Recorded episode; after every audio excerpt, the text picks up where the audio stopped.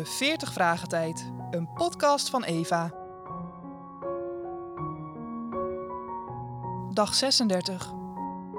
Waarom werden Pilatus en Herodes op de dag van Jezus' kruisiging nu precies vrienden?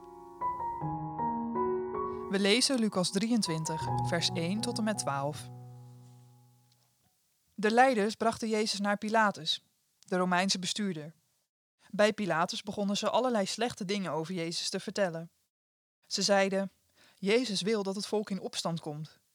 Want hij zegt dat je geen belasting moet betalen aan de keizer van Rome. En hij zegt dat hij de beloofde koning is. Pilatus vroeg aan Jezus: Bent u de koning van de Joden? Jezus antwoordde: U zegt het zelf. Toen zei Pilatus tegen de priesters en tegen alle anderen die erbij waren: Volgens mij is Jezus onschuldig. Maar de mensen luisterden niet en zeiden nog een keer: Jezus probeert met zijn ideeën het volk in opstand te brengen. Hij begon in Galilea, daarna ging hij heel Judea door.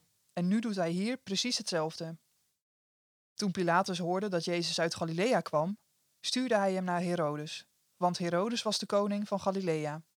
En hij was op dat moment in Jeruzalem. Herodes was blij om Jezus te zien. Hij wilde Jezus al lang ontmoeten, want hij had veel over hem gehoord. Hij hoopte dat Jezus een wonder zou doen. Herodes stelde hem veel vragen, maar Jezus gaf geen antwoord. Intussen bleven de priesters en de wetsleraren Jezus beschuldigen. Toen begonnen ook Herodes en zijn soldaten Jezus te beledigen. Ze bespotten hem en trokken hem een koninklijke mantel aan. Ze zo stuurden ze hem terug naar Pilatus. Herodes en Pilatus waren altijd vijanden van elkaar geweest, maar op die dag werden ze vrienden. Waarom werden Pilatus en Herodes op de dag van Jezus' kruisiging nu precies vrienden?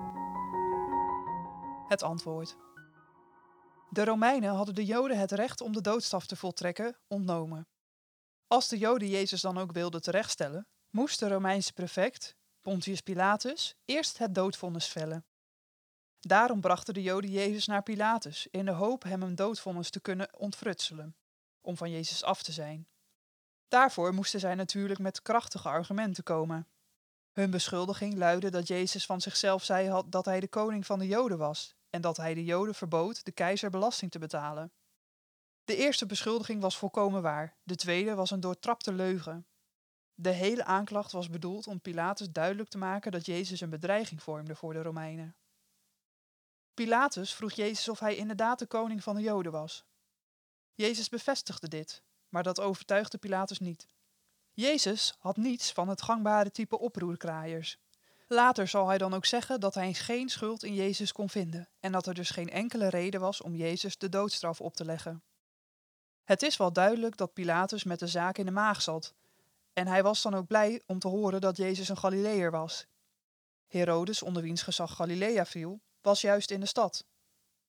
Jezus werd door Pilatus afgeschoven naar Herodes, de man die Johannes de Doper had laten terechtstellen en die erg nieuwsgierig naar Jezus was, over wie hij zoveel had gehoord. Hij hoopte dat Jezus een paar wondertekenen voor hem zou doen, alsof Jezus niets anders dan een soort rondreizigende magier was. Jezus weigerde ook maar één woord tegen Herodes te spreken, zodat deze zich des te meer begon te ergeren. Hij wist niets beters te doen dan met zijn soldaten Jezus te bespotten en te kwellen. Uiteindelijk kon hij niets anders doen dan Jezus terugsturen naar Pilatus. Lucas vertelt ons dat Pilatus en Herodes op die dag vrienden werden, terwijl zij voordien vijanden waren geweest.